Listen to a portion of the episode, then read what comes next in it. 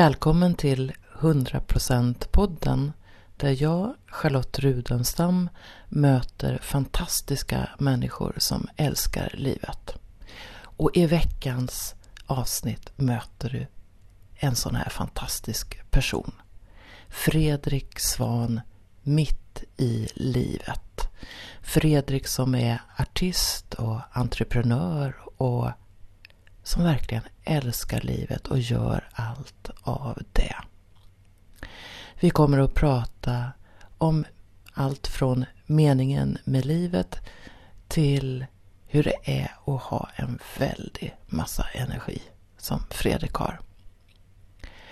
Om du tycker att det känns som att det är ett hack i samtalet mot slutet så beror det på att micken helt enkelt dog.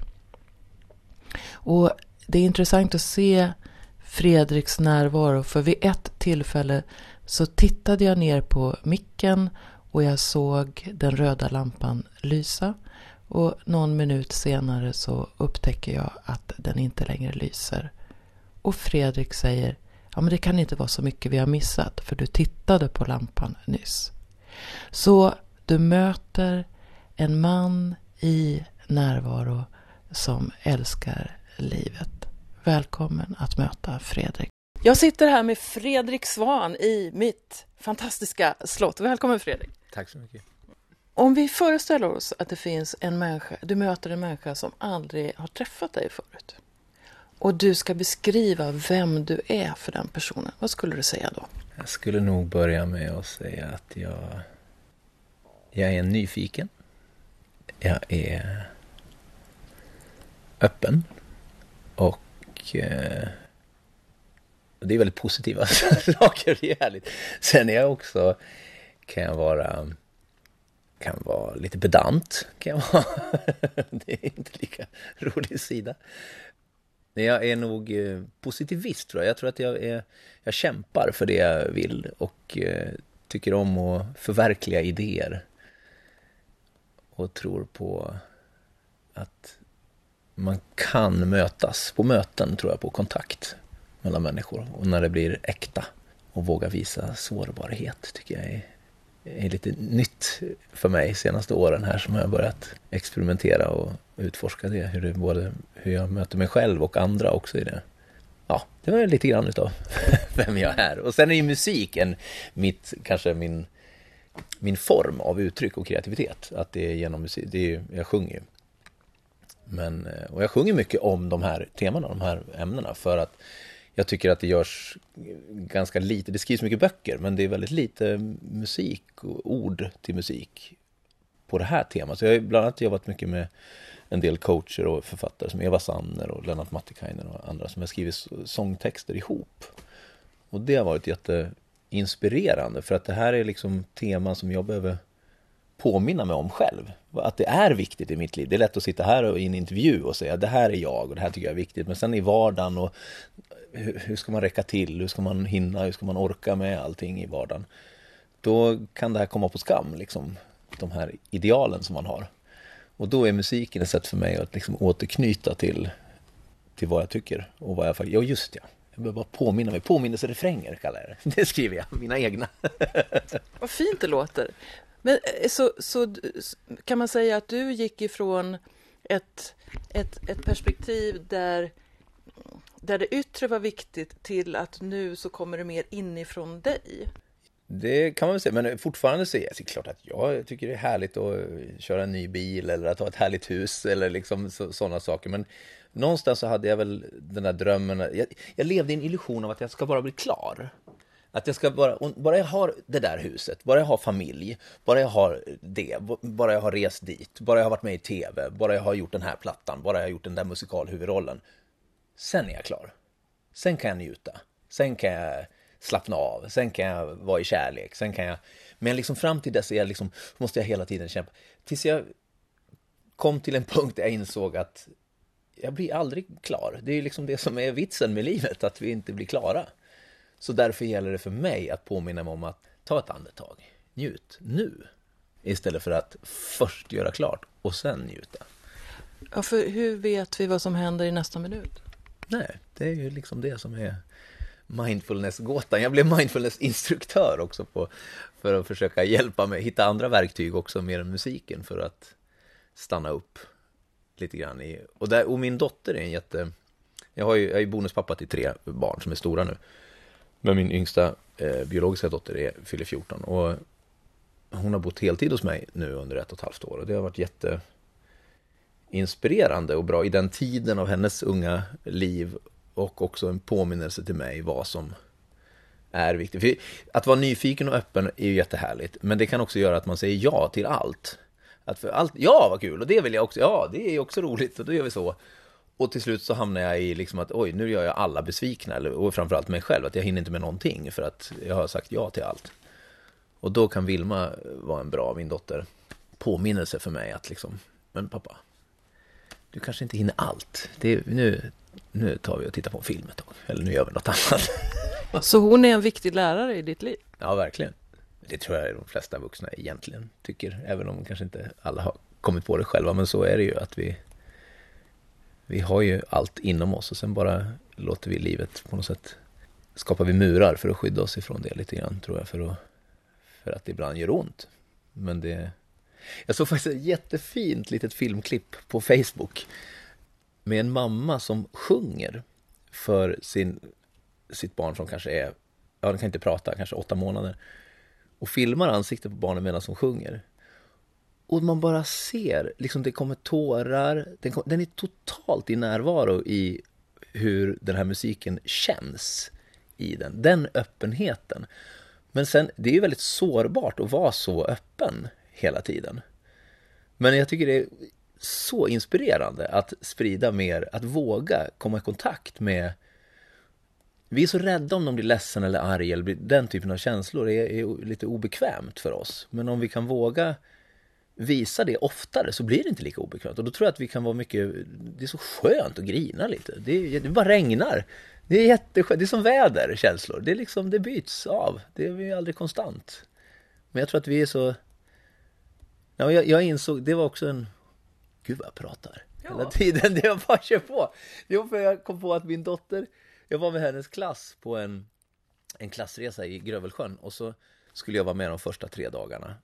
Och sen skulle jag åka hem, skulle hon vara där två dagar till med klassen. Och kvällen innan jag skulle åka hem så sa jag till henne att nu ska jag åka imorgon. Så, Nej, åh, då vill jag också åka hem och jag vill inte vara kvar. Och, och hon var kanske tio då. Och då sa jag, jo men eh, jag började gå in i mitt vuxna intellekt, intellekt, i mitt intellekt och analysera och förklara varför hon skulle vara kvar. Det är bra för klassgemenskapen och lalalala. Men så bara stoppade jag mig och tänkte att okej, okay, allt går över. Så jag bara sa, men Vilma, vänta, nu, nu ska vi gå och lägga oss och så tar vi det här imorgon istället. Nej, men det kommer inte ändra den ändå. Jag vill... Eh. Vänta, vi, vi stoppar nu och så tar vi det imorgon. Ja, till slut somnar hon.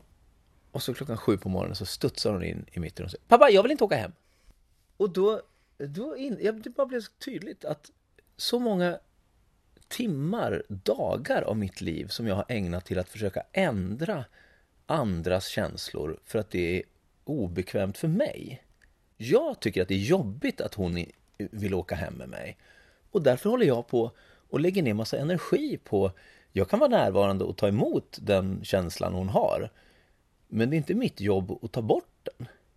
Den kommer att gå bort av sig själv, liksom, av, av hennes egen analys eller vad det nu är som, som får oss att gå vidare liksom, och utvecklas. Och, och det var, blev jätte... Det är en sån befrielse faktiskt i min relation till många. Och också, jag menar, man, folk är olika känsliga och har ångest och olika känslor omkring en. Och det, det är mitt ansvar att liksom sätta mina gränser och, vara, och kunna vara närvarande när jag kan det och inte när jag inte kan det. För annars blir man otillräcklig och känner sig det konstant tror jag. Att man liksom vill vara, rädda alla och ska vara för, finnas för alla. När, det, mm. när, när, du berättade hur du, hur du var tidigare så, så, så kände jag som en jagad person. Jag ska hinna med, jag ska göra det, jag ska göra det, jag ska mm. göra det. För att sen kunna pusta ut då.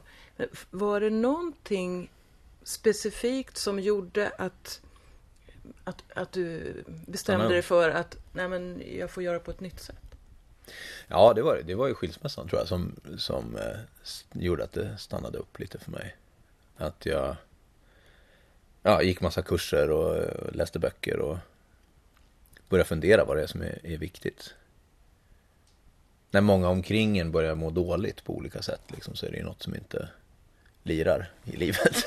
Hur fint hus och bil man än har, det spelar liksom ingen roll. Och samtidigt var det också en någon lärdom att se och acceptera att vi är olika och att jag har otroligt mycket energi. Och det är okej, okay, för jag, någonstans har jag känt hela tiden att det är in, jag har för mycket, jag är för mycket, det är för, man orkar inte med mig. Om jag kan vila i att det är okej okay att vara mycket och det är okej okay att ha mindre energi. Så blir det inte lika, om alla ska behöva anpassa sig hela tiden till så är det liksom Ja, det har blivit någon, också någon, någon befrielse i att inte behöva ändra på andra eller att i relationer, att det är okej, okay, så här är hon eller så han eller vem man nu har en relation med. Och eh, sen måste man kunna kommunicera när, och sätta gränser för, för hur man mår och vad som är okej, okay, att man respekterar varandra. Men, men jag har nog fallit in lite grann i att jag jag vill att, ja varför är inte alla som jag? Och, och sen så, så skulle jag ju tycka det var astråkigt. När jag, efter skilsmässan, när jag hade någon relation lite senare och på pappret så var det liksom perfekt. Det var alla de, det, allt det jag hade retat mig på i, i den tidigare relationen fanns inte där. Men det, jag blev liksom inte passionerad. Eller liksom, jag, jag var attraherad men jag blev, det blev inte djupt. Liksom. Så det är också intressant vad det är som, att det, man kanske triggas av lite grann motsatserna också. Att det, att det är någonting i det som gör att det blir balans. Även om det kan vara frustrerande att man är olika så ger det också ett, Ja, jag tror att det balanserar upp om två väldigt samma energi Det är ju säkert individuellt, kanske funkar jättebra i många relationer men för mig har det varit intressant att se att bara, ja men faktiskt, då får jag ju en, en paus eller liksom Eftersom jag inte riktigt hittar den i mig själv jag har mött lärare som menar på att, att, att en aspekt av relationer är att man att man kan lära sig någonting om sig själv. Och då behöver det ofta vara någon som, något som skaver eller någon konflikt. Eller, alltså det fin- mm. Allting är inte bara perfekt hela tiden. För vore det det så, så skulle energin försvinna ut ja, rätt så snabbt. Så att, ja, det håller det vid liv liksom på ja. något sätt också. Och sen kan man ju hamna också i att det blir någon slags drama att det alltid blir att man ska släcka bränder hela tiden. Och det kan ju bli destruktivt också, att det kan få vara lugnt och tryggt också. Att vi Absolut. kan vila i... Men, men mer som, som en idé om att, att det är okej okay att man är olika, för då kan man ja, få en spegel av en, eh, kanske en del av en själv som mm. man inte har så mycket kontakt Ja, jo, verkligen. När det här skiftet skedde då, eh, hur förändrades din musik?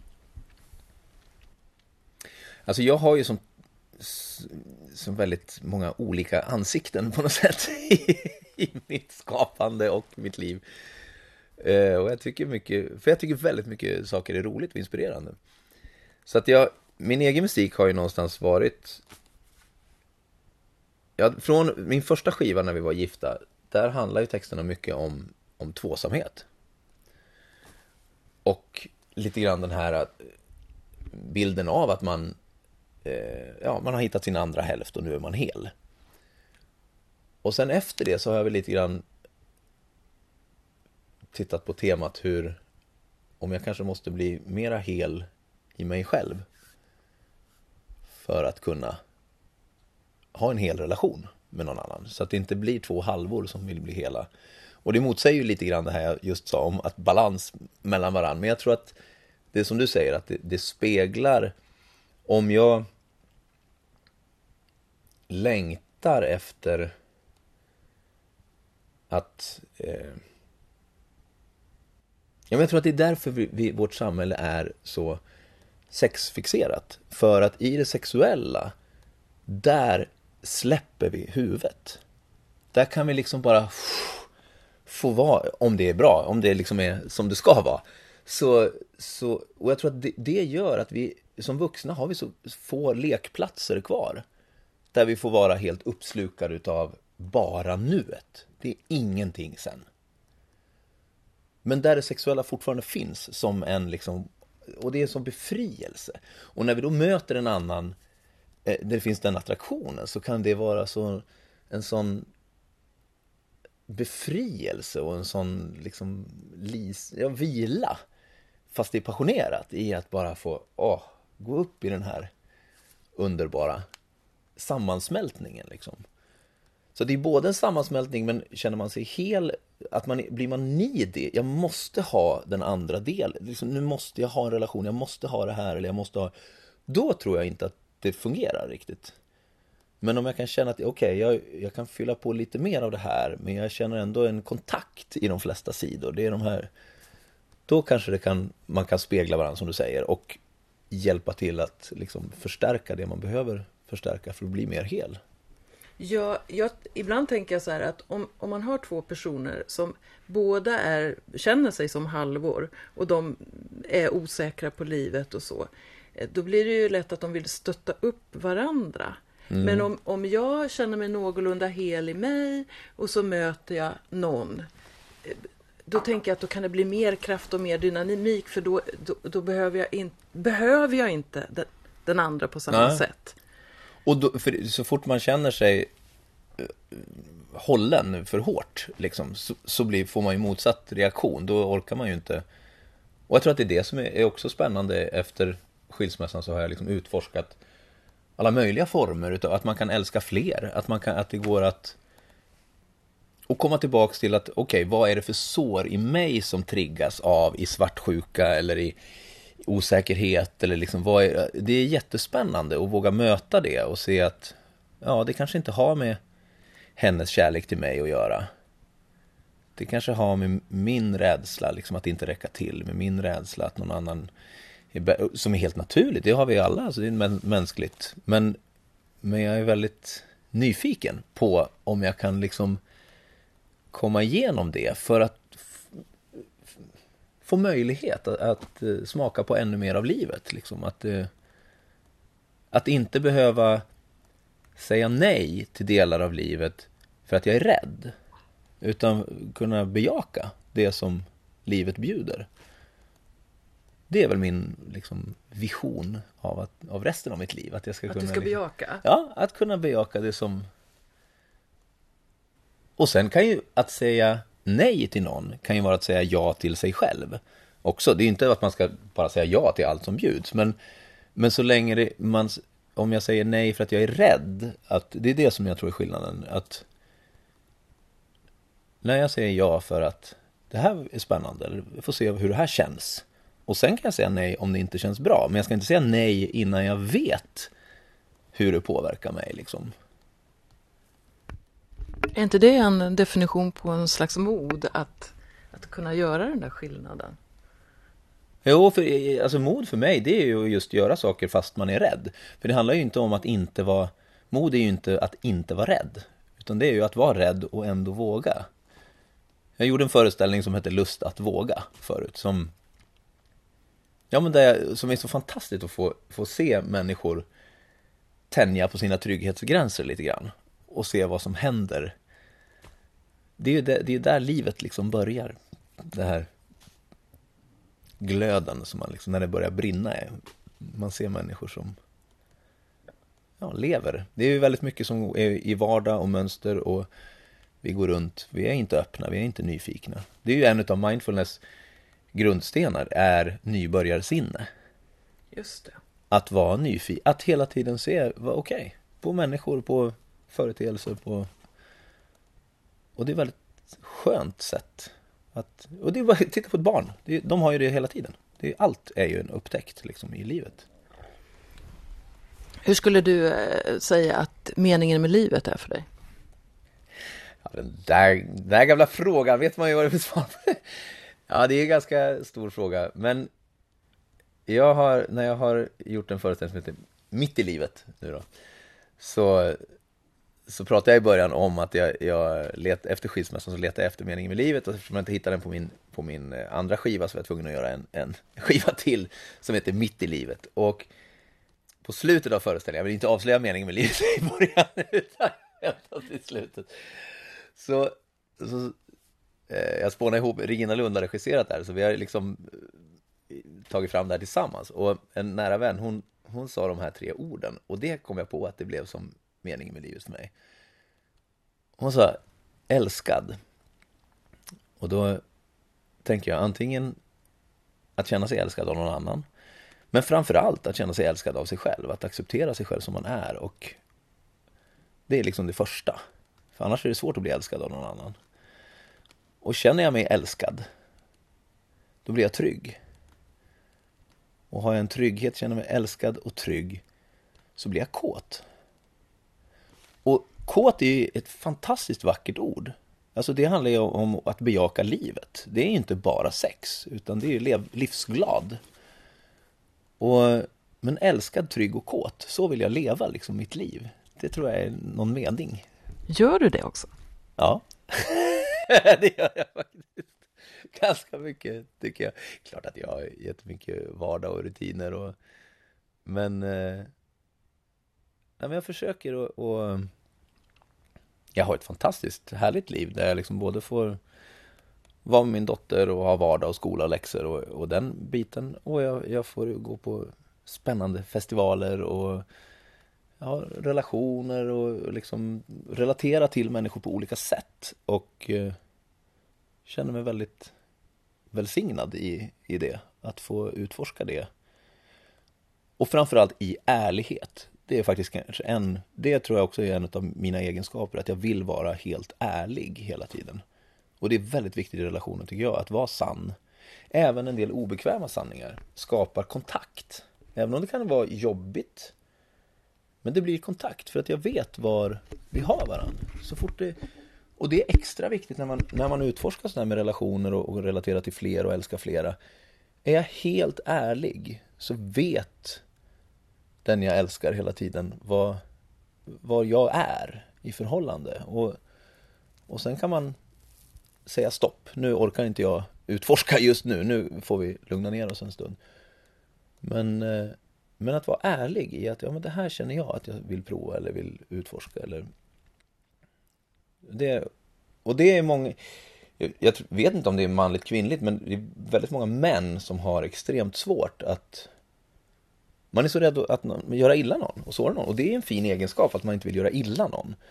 Men samtidigt så vill man ju det är mycket värre att, att uh, få reda på i efterhand att någonting har hänt eller någonting än att så här är det.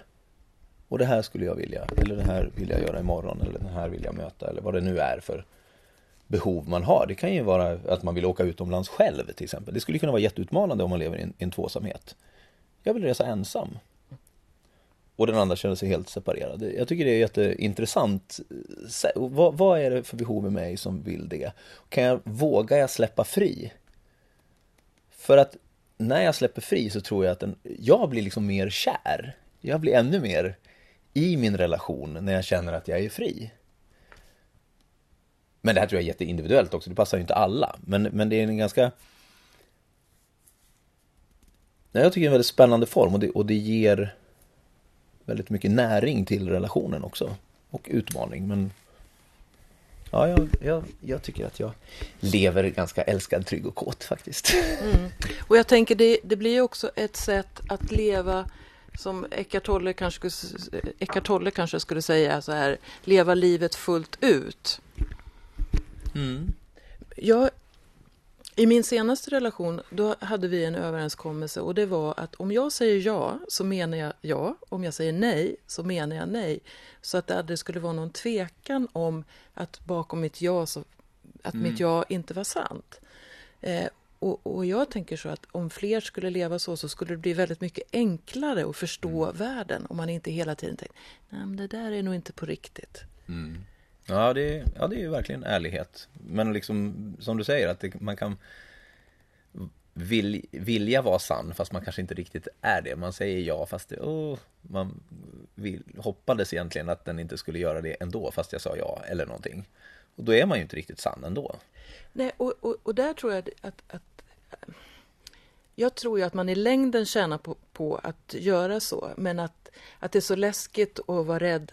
Något som jag har varit rädd för, det är att göra andra besvikna. Mm. Så, så därför så kanske jag har sagt lite för många ja till saker Mm. som jag, där jag skulle ha sagt nej. Ja. Men ibland så kanske man får ta en kort smärta så att säga, eller en rädsla för, ja, för att något längre. Liksom. Ja, jag tycker det är jättespännande med ärlighet. Alltså, jag tror att det är verkligen en grund för kärlek. Alltså en förutsättning för att, att djupna under längre tid. För det tycker jag också med commitment. Jag är jätteglad för vår, jag älskar fortfarande min exfru och vår familj och det vi byggde tillsammans. Och det, det är jättestarkt för mig. Och, och det hindrar inte att jag kan gå vidare och kan älska andra.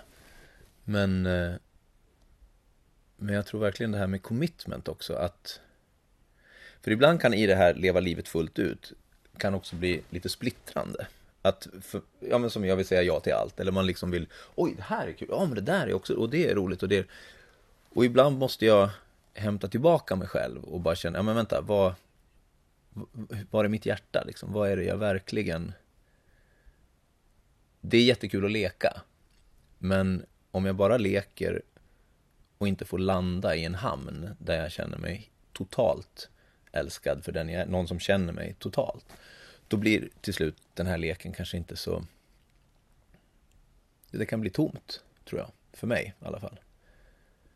Och det är den balansen, liksom att hitta ett commitment och en trygg och en Ja, och det är där man också får de här utmaningarna i vardagen, i att stå kvar, i att kunna liksom Ja men det vet ju du, efter ett lång, en lång relation liksom, det är ju inte lätt. Att, och särskilt när man, när man vill leva livet fullt ut och prova och experimentera. Det kräver verkligen mod att våga det. Och att komma tillbaka och att se, vad är mest kärlek? Hur servar det här världen? Liksom? Ibland kanske en relation inte längre servar. Jag kanske blir mer, jag kanske får mer ut av mig själv utan den här relationen, eller en relation på ett annat sätt. Och våga titta på det till och med, att okej, okay, det är kanske bättre att vi lever, inte bor ihop. Och att vi ska serva med våra gåvor på ett annat sätt än hur vi har gjort nu. Det är spännande att våga och utmanande också i en relation. Eller kan man fortfarande vara ihop fast man inte bor ihop? Eller kan man, vad är det som gör att det blir Ja, hur kan vi ge mest i världen av oss själva liksom? Mellan raderna så, så tolkar jag att du säger någonting om att vi också är här för att ge våra gåvor till världen. Mm. Jo men verkligen att det är Marianne Williamsons visdomsord. Det är vårt ljus som skrämmer oss mest, inte vårt mörker. Det tror jag verkligen att det är att våga vara så mycket. Ja men som jag har känt att jag är för mycket eller har för mycket energi. Och när vi kan acceptera oss själva och då tror jag också att vi blir mer accepterade av andra. Så det ligger mycket hos mig själv. Det är inte det att det var fel på min förra familj som inte var som jag, utan det var jag själv som inte kunde acceptera riktigt att okej, okay, vi är olika och jag har mycket mer energi. Jag kan gå ut och åka längdskidor själv. Jag vill, ja, men alla ska vara med och varför ska jag vara själv? Och jag tycker att alla ska tycka det är roligt, det jag tycker är roligt. Och... Men istället ta ansvar för det för mig liksom. Och då tror jag det blir då kommer fler att haka på också för att jag där har jag nog haft en jag har varit needy i det att jag liksom, ja men hallå, jag vill ju leka med er lek det blir jättekul att leka med någon som vill leka för mycket Har du formulerat för dig själv vad din gåva till världen är?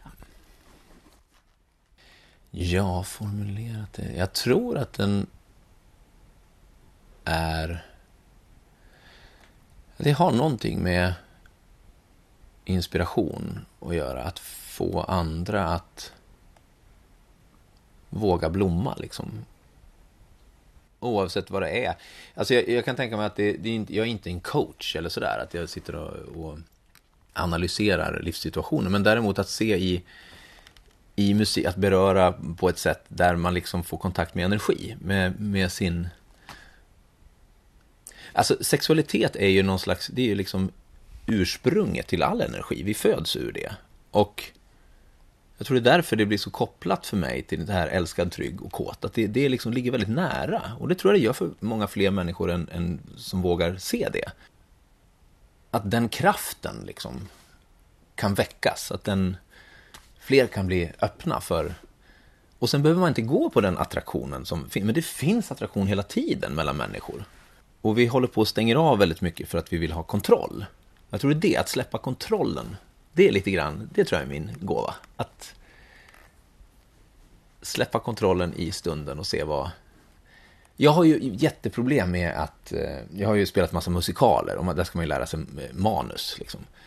Och därför passar inte det mig. För att jag liksom, nu har jag gjort det en massa år, men, men eh, jag tycker det är så otroligt kul att inte ha manus. Att bara få vara nu och bara se vad som... Att få connecta med en publik och se vad som kommer upp. Sen är det väldigt det finns ju en liten del av mig som är lat också, som inte orkar lära mig. men, men jag tror att det är en gåva jag har, att kunna ta stunden som den är, här och nu, och se vad, vad bidrar mest just nu. Hur kan vi få upp energin här? Hur kan vi, för att det är, många mår på olika sätt, och det är klart att jag också vaknar en morgon och känner att, Åh, varför ska jag gå upp? Vad spelar det för roll idag? Men då är min, mitt verktyg där, är ofta att bara röra på energin. Oavsett med, alltså kroppen. Att liksom bara, vad som helst. Dansa. Jogga, jogga, dansa, springa, simma, paddla kajak, eh, längdskidor, vad som helst. Men bara för att få igång en rörelse liksom. Och sen ur det så kommer det annat. Alltså det är det enda man vet vetenskapligt säkert påverkar depression i fysisk aktivitet. Det, det, det, är det man, de gjorde en, jag läste här om dagen att det var kognitiv beteendeterapi på nätet eh, någon slags psykofarmaka och eh, idrott. De tre jämfördes slumpmässigt. Fick, I Sverige var det den undersökningen. Och eh, eh, idrott var minst lika bra som de, som de... Alltså bara att röra på kroppen. Det tycker jag är spännande. Att det är ju skitspännande. Rör på kroppen. Vi är gjorda för det liksom. Och det, och det gör vi när vi har sex också. Så det är ju bra. jag tänker att jag ser dig också som en slags eh, katalysator dator. Eh, du får idéer och så skapar du samarbeten och sammanhang och det verkar som du har en känsla för vilka människor ska jag involvera i olika saker. Jag vet inte hur ofta det är du som är igångsättaren, men jag ser dig i olika sammanhang. Och nu, nu ska du jag har ju en bakgrund där du bor faktiskt. Jag har bott i, i Långshyttan som ligger väldigt nära Stjärnsund och, och nu håller du på att bygga upp saker där som är kanske lite oväntade kombinationer. Kan du berätta lite om det? Jo, men jag har ju hittat min bas i Stjärnsund, den här lilla bruksorten med 200 invånare i södra Dalarna. Och, och det, dit kom jag av en slump, för min fru skulle hålla en kurs där och, och hon ville bo där. Och eh, så då flyttade vi dit efter, efter några veckor. Eh, med fyra barn och allt. Men, och jag har blivit kvar där nu då. Och, och vi hittade en smedja som var en fantastisk konsertlokal. Och jag såg någonting att man bara kunde liksom, ja men här, att få ta kollegor och, och vänner och, och, få inspirerande människor liksom dit. Och skapa eh, liksom en scen för olika verksamheter. Nu har det mest varit musik, liksom olika konserter, alltifrån Helene Sjöholm och Kalle Moraeus och ja, alla möjliga artister har varit där under nio år nu vi har bott där. Så är det nu i år första gången som jag vågar göra en retreat där också. Och då har jag, efter alla de här kurserna jag gått, gått de sista åren, så har jag tänkt, ja men tänk om vi kunde få, få sätta ihop några av de människorna som jag träffat i de sammanhangen och, och skapa ännu mer kärlek och självkänsla och liksom kraft, inspiration för människor under fyra dagar. Så det är 13 16 augusti ska vi ha det med Malin Berghagen och mig och Raymond Ahlgren. Och en jättehäftig kvinna som heter Misty Tripoli som är hon har gjort en dans ah, workshop, en, dansset danssätt som heter The Groove. Hon är jättespännande, liksom en slags fri, frigörande, fast frigörande dans är väldigt, väldigt fritt. Det här är lite koreograferat fast väldigt enkelt. Man är, handlar väldigt mycket om sin kroppsmedvetenhet och våga uttrycka sig med kroppen. Så vi fyra har liksom gjort ett program under de här dagarna där, vi, där man ska få alla de här bitarna. Liksom. Och det ska bli jättekul. Och allt händer i den här lilla, lilla bruksorten Sommaridyll. Det är nära till sjön och det man kan bada och, och ha det härligt också. Det är som att energin i dig stiger när du pratar om det här. Jo, men jag är nog, alltså jag hade faktiskt på mitt första visitkort som jag gjorde 1990, då stod det idéförverkligare. Och det, lite, det, jag tror att det är det, att när jag liksom får en idé, eller en annan som får en idé, men jag är medskapare. Men jag får mycket idéer, och, och det är någonting med att förverkliga, det är skillnad på att vara practitioner, att liksom göra det.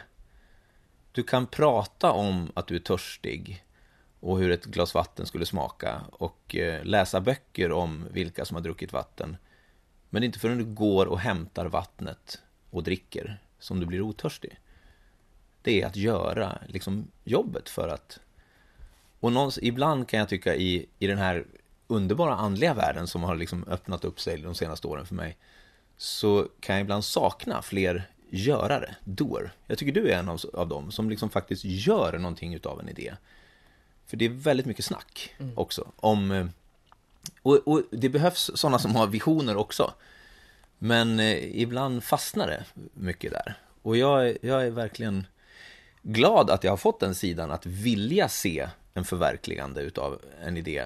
Men samtidigt är det den sidan också ibland som, som gör att jag aldrig blir klar. För att jag har så mycket idéer och man hela tiden och känner sig lite otillräcklig och stressad och liksom att det finns något att jag skulle behöva liksom, ja men man kan längta efter lekkamrater som man bollar vidare med. Liksom. Och där är Raimon en sån, eller Lelle, eller ja, jag har massa härliga vänner, men där man känner när man gör projekt ihop och så säger ja men okej, jag fixar det här, du fixar det där, vi ses på fredag. Och så ses man då och båda har gjort sin läxa, eller liksom sitt, sitt, det är otroligt skönt när man känner att man synkar på det tycker jag. Alltså jag älskar att säga så här, okej okay, Fredrik, är bollen hos dig nu? Och så vet jag att den är hos dig och sen så, så levererar jag. Så levererar du. Ja men det är någon, något att, ja men det är att avsluta, att liksom för varje avslut vi gör så kan vi släppa den energin och gå vidare. Och det tror jag kan bli ett mönster för en del människor, att inte avsluta, att det blir hängande massa saker. Och det tror jag suger massa energi i längden. Och sen är väl min utmaning att skapa projekt, känna att okej, okay, nu avsätter jag den här tiden för det här, sen släpper jag det. För det är lätt att det ligger hela tiden där. Och man är online, jag har ju skrivit massa låtar om Ostörd, det är en låt som handlar bara om att jag är online hela tiden och att jag aldrig är ledig. Hur återhämtar du dig, Fredrik? Jag har ju provat då det här med meditation och olika sådana där andliga saker. Och, det, och lite grann har jag nu börjat... Eh, det är aldrig för sent att ge upp, finns det ett uttryck som heter. Nej, men jag menar, jag är mindfulnessinstruktör, Meditation är en del av mindfulness. Och det är jättebra att vara med mig själv. Men jag börjar inse att jag är mer utav en... Jag mediterar när jag åker skidor eller springer eller långfärdsskridskor. Det passar mig bättre, min energi bättre. Och jag tror att det är olika för olika människor. Och, och det handlar också om acceptans, att så här är jag. Och det, så länge jag mår bra.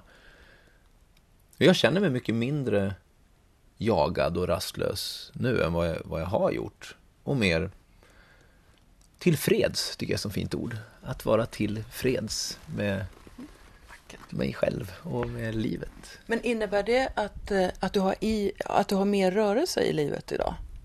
Ja, det gör det faktiskt. I, i, jag kan också se det. Jag bor kvar i huset som, som vi bodde hela familjen. Och, och eh, jag får en mer helhetsbild. Vad vill jag skapa i det här huset och med trädgård och med liksom att ta ansvar för det och hur kan jag skapa det om jag inte klarar av det själv? Vad kan jag be om hjälp? Hur kan jag anställa eller hur kan jag göra för att förverkliga de idéer jag har. Liksom. Jag vill skapa, jag har satt upp solpaneler. Det, jag har ju ett spa där alla artister och, och workshopledare bor på tomten.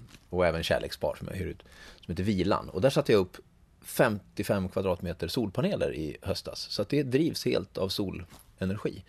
Så jag har liksom en vision också av att skapa ett, ett mer hållbart samhälle, hållbar plats. Så att det kan man säga om man bor i ett sånt här slott som du bor i på lite färre kvadratmeter, det är ju extremt miljövänligt.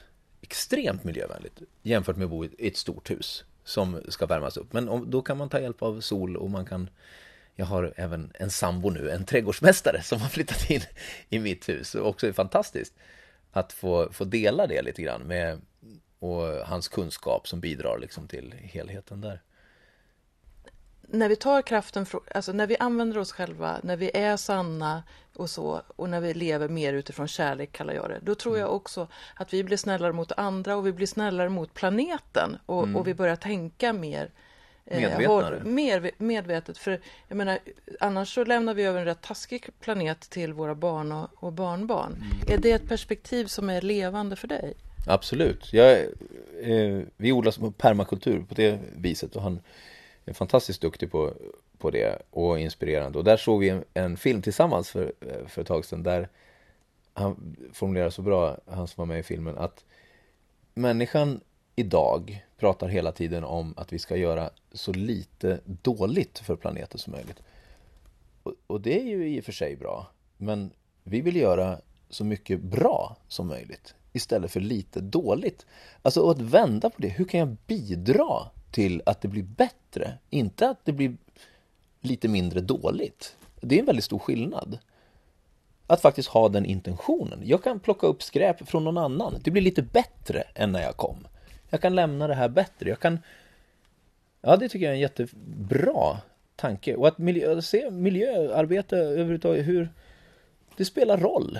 Och det är en medvetenhet. Jag tror verkligen att det kommer inifrån. Om vi kan känna att jag spelar roll. Jag har en, en kärlek till mig själv.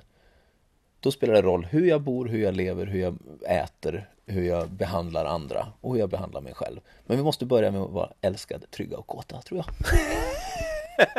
jag vill ge dig en möjlighet att eh, till den som lyssnar, om vi säger att det är en person som skulle vilja sätta igång med någonting, hitta hem mer eller hitta sin grej eller Eh, bli mer trygg i sig själv. Har du, vad skulle du rekommendera den personen med någon liten sak som den skulle kunna göra? Ja, det finns ju otroligt mycket olika bitar och kurser och, och, inspirerande människor och det är svårt att välja en. Jag, jag började väl med jag började, min första faktiskt sån bok var nog egentligen David Deida, Den suveräna mannens väg. Det var ganska länge sedan men det var min väg eh, som man också för att det, det är väldigt mycket sån här litteratur skriven av kvinnor det var en jättespännande väg in i det här med polaritet och i parrelationer när jag var gift och, och så hitta tillbaka till liksom attraktion och så. I, och sen finns det ju det finns kursgårdar som bara vara eller man kan liksom Osho är ju en, en sån här guru som väldigt många på olika sätt har en relation till. Men hos festivaler som Ängsbacka eller liksom eh, sådana levande, eller Stjärnsund, levande platser som, som bjuder in till att våga gå på någon sån som festival. Det, då får man ofta ett smörgåsbord av olika workshops. Och det kan jag tro är, det är jättebra sätt. Och det är väldigt öppet, man har sharing, man delar saker med varandra, man blir en trygg grupp, man lär känna nya människor och och får lite nya perspektiv. Alltså det, det har varit jättebra för mig. En, en, ja, men festivaler där man får... Och sen kan man ju hitta sin favoritlärare där, liksom, eller så här, som man kan följa mer. Eller... Och så tror jag att vi alla egentligen är vår egen lärare. Vi har inte, sen kan man få hjälp att spegla sin egen visdom av andra människor. Men jag tror inte att man ska tro att man ska hitta en guru som man ska följa och sen är man klar. Utan den finns där inne i oss alla. Det låter härligt. Tack för att du besöker Lilla slottet. Tack så mycket, mitt i livet. Älskad, trygg och kåt. Visst låter det som en härlig mening med livet. Och du kan ju fundera på om du delar de tankarna som Fredrik Svan har. Jag kan tänka mig att du får ett väldigt energirikt liv om du gör det. I 100% podden möter du alltså fantastiska människor som Fredrik Svan. Och du kommer att få möta ett nytt avsnitt varje vecka. Och har du tips på någon som du tycker är en 100%are så berätta gärna det för mig. Och jag är också glad om du vill vara med och sprida den här podden för jag vill ju verkligen sprida ord om kärlek och bidra till att andra kan få sprida sin, sina insikter och, och sin inspiration. Så gå gärna in på iTunes och sätt betyg på podden eller gör en liten recension. Det bidrar till att podden blir lättare att hitta för andra. Och du, ha en underbar vecka. Pröva att känna dig älskad och kåt på livet.